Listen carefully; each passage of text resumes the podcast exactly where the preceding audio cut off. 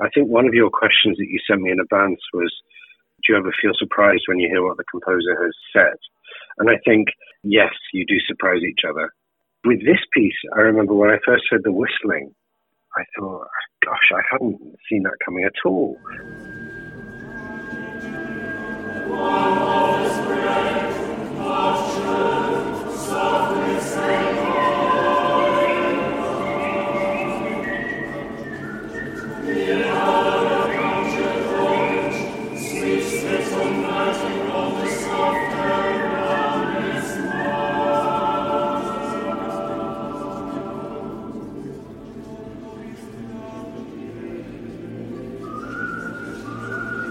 Had no idea he was going to do that, and yet it works. It's sort of cheerful whistling in, in again juxtaposed with these extraordinarily rich, profound, and sometimes disturbing uh, word settings that he's got in it. I thought that was brilliant, and the the fact that we continue to be able to surprise each other, I think, is what keeps it alive.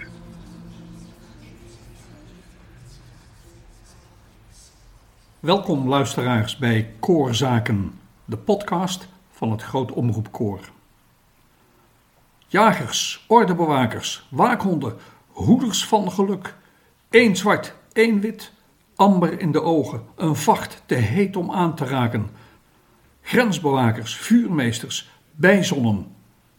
Als je aanneemt wat ze offeren, dan zullen ze je schragen totdat je werk is voltooid. I think this equatorial summer. So you hear the heat of the summer in the way you say that word.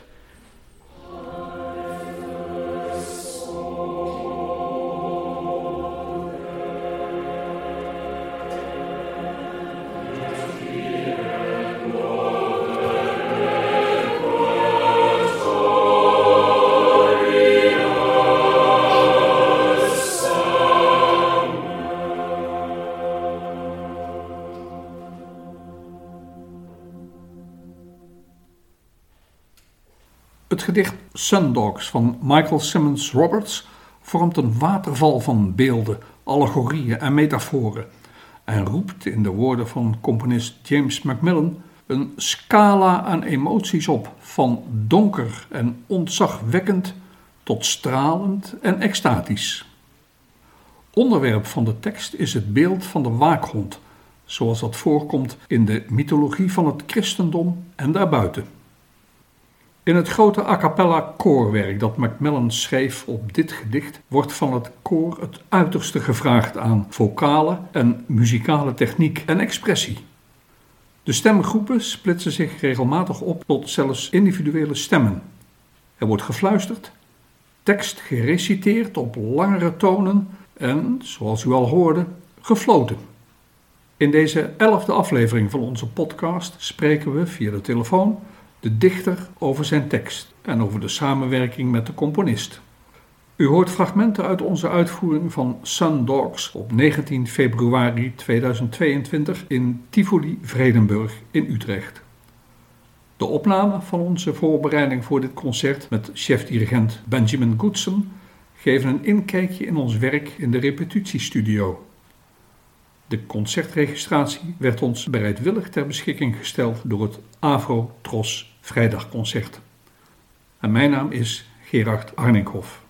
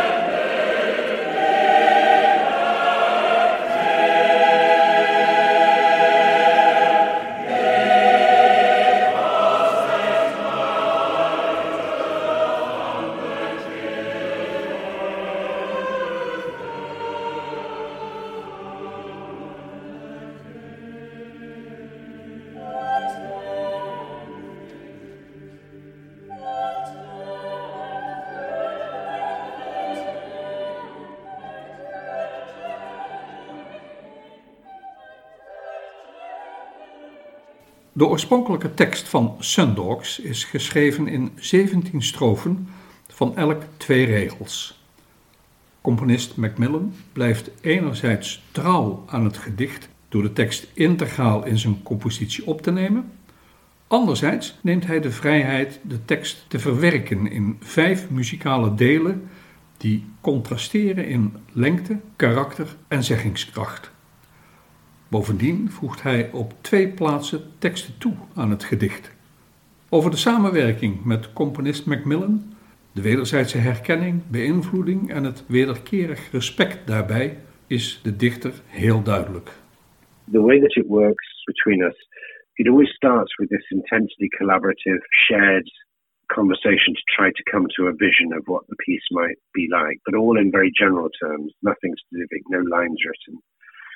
And then at that point, it becomes very uncollaborative in a creative way, in that we then go our separate ways. And I produce the text, and I always do that first. I deliver the text to him, and he always asks me to read it. And he sometimes records me reading it, but he asks me to read it over and over again. So he gets the sense of the rhythm that I have in my head for the way that the poem or text should be sounded. Um, but then he has license to loop and repeat and sing lines out of order or um, add new text or whatever. And I've never felt precious about that. So I think that's part of what makes these collaborations flourish when they do.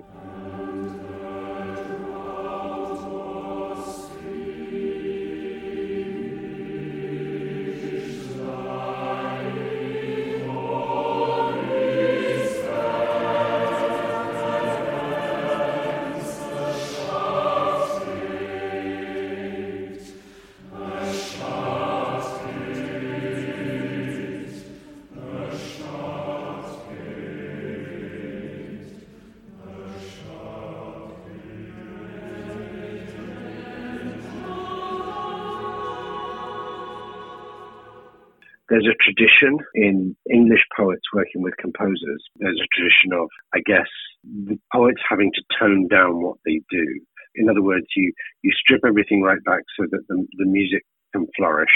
When, when I first started working with Jimmy and we were talking about how we would work together, he said from the outset, I don't, I don't want you to do that. I don't want you to strip your language down. I want the most intense, rich kind of poetry you can give me. I want you to put everything in. I want it to be dense and rich. And, and when I read back the poem Sun Dogs, it's definitely influenced by that conversation. I just packed everything into it. I wanted it to be firing in all directions. The basses who are singing low Fs from bar 18 onwards, the first vowel is a, cattle. It needs to speak clearly right at the bottom of the texture. And what I need from you is one absolutely consistent F pedal from 18 onwards. I don't have it at the moment. Tenors, can you do for me, please, without any crescendo in bar 29? This.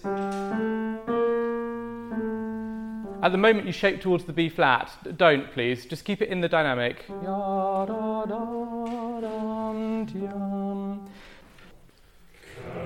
Yes.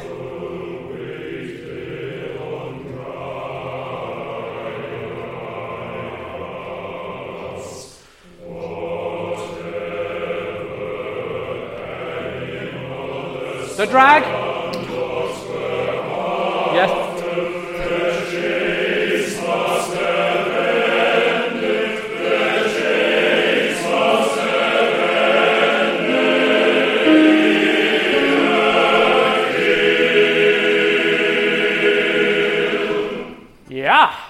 Much better.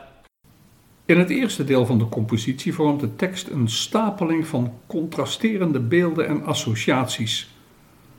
Een zomer onder de evenaar, een vlucht vogels in paniek, vee neergedrukt in verdord gras, jagende honden, het einde van de droogte, een jachtbuit met verscheurde hals. Op de woorden It's throat torn apart horen we het dameskoor uiteenvallen in afzonderlijke stemmen, terwijl de heren op de achtergrond individueel tekst reciteren.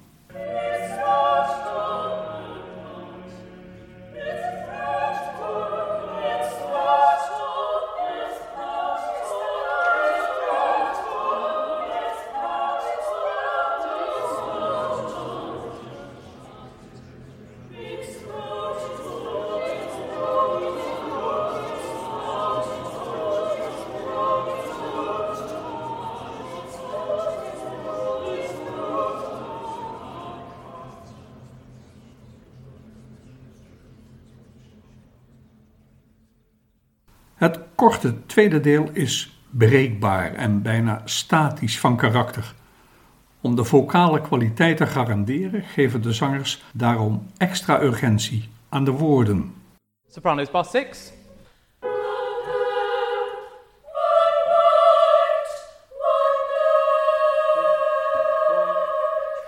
Even in this slightly softer singing, a little bit more like narrative about it. Needs to be a bit more engaged. Yes.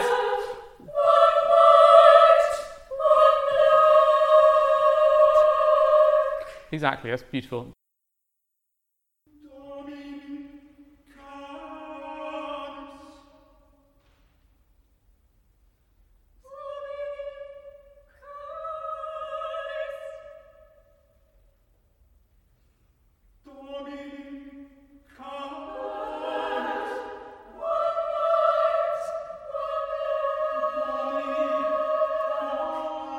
Het woord Dominicanus, dat in het gedicht één keer voorkomt, wordt in dit deel acht keer gezongen.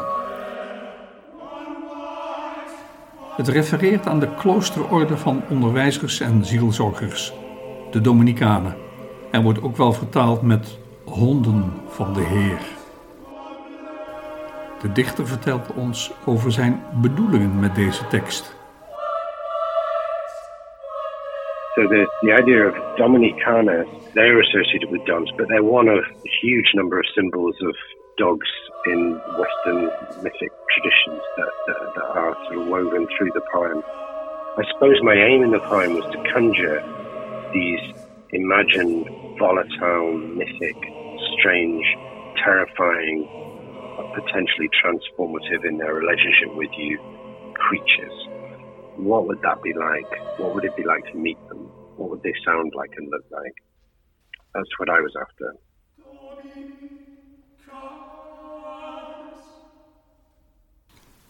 In het derde deel betreden de Sundogs de mensenwereld. Ze voeren bedelaars de stad binnen. Wie ze ziet, vraagt zich af van waar ze zijn gekomen, met hun huiden, die in het zonlicht te heet zijn om aan te raken. als ze je al zo dichtbij zouden dulden. I wanted to keep that on the borders of being tame and wild, as as dogs are. I, I, I wanted the poem to feel unstable in its flickering between this idea of the sun dogs being there to help or support or heal or transfigure us in some ways, but also being a threat. Het deel begint en eindigt met een tekstfragment uit een middeleeuws volksliedje dat de componist heeft toegevoegd aan het gedicht. De ambivalentie van de tekst weerklinkt in de telkens wisselende uitersten in de koorklank, die regelmatig vanuit één of twee tonen uitwaait in overweldigende akkoorden en klankstructuren, of andersom.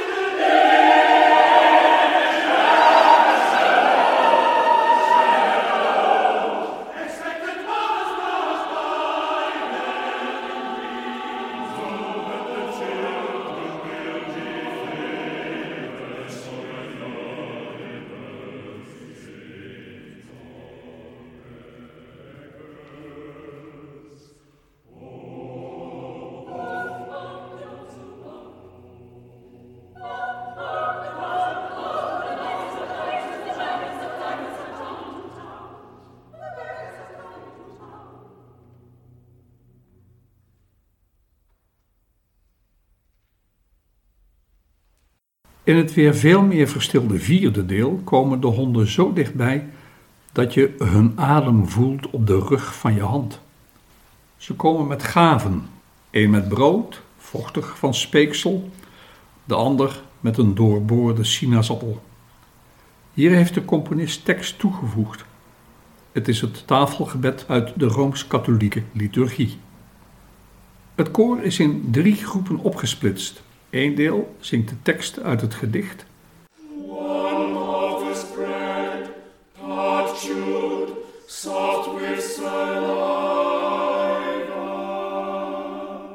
Eén deel de liturgische tekst in het Latijn.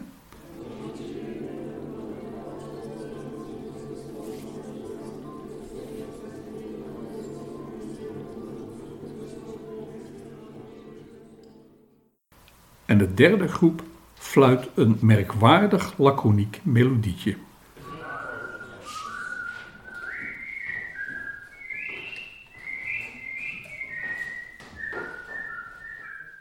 Het resulteert in wonderlijk en onbestemd klankbeeld.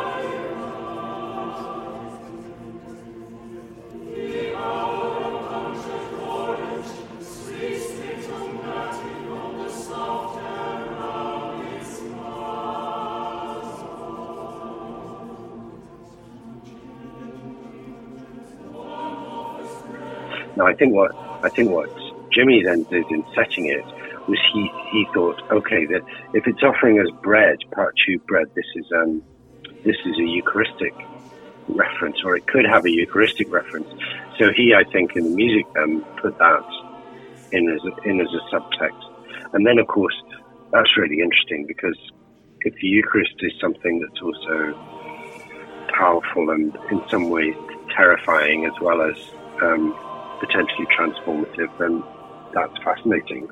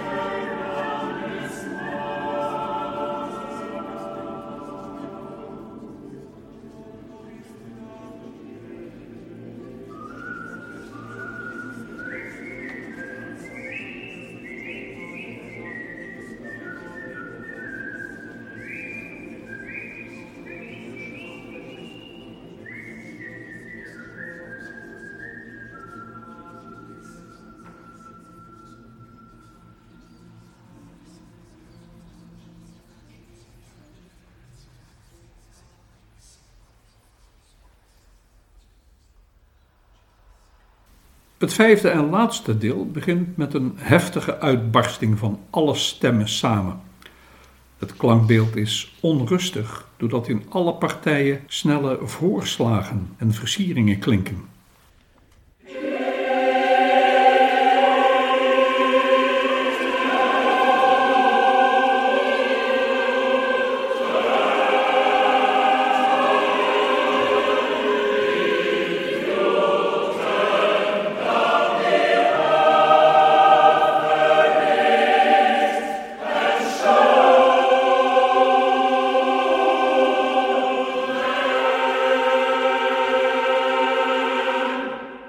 Wanneer je hun gaven afwijst, zo luidt de tekst, dan zullen de Sundogs je schuwen en niet terugkeren.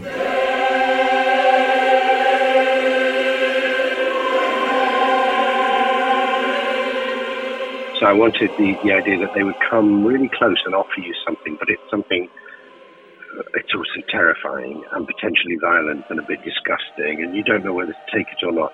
And, and then what happens if you turn it down? And what happens if that was your chance?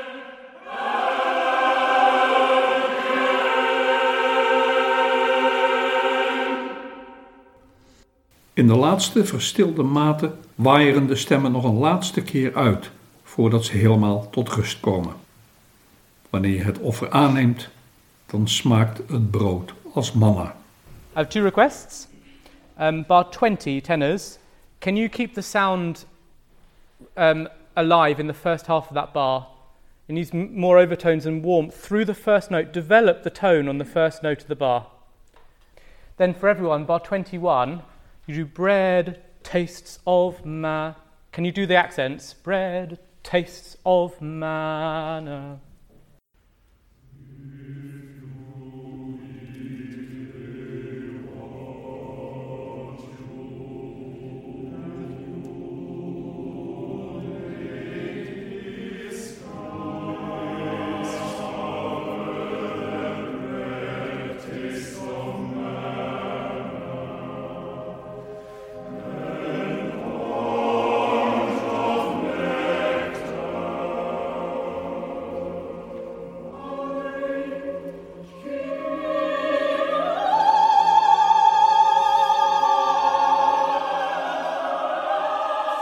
Tot zover luisteraars, de elfde aflevering van onze podcast Koorzaken.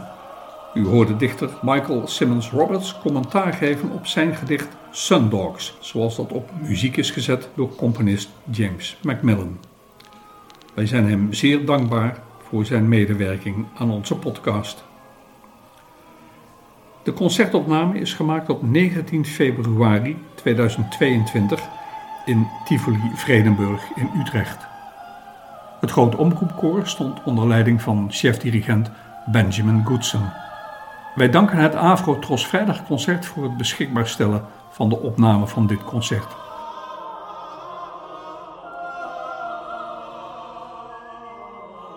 De opnames voor deze podcast werden gemaakt door Allen Belk en Jan van Zelm maakte de montage.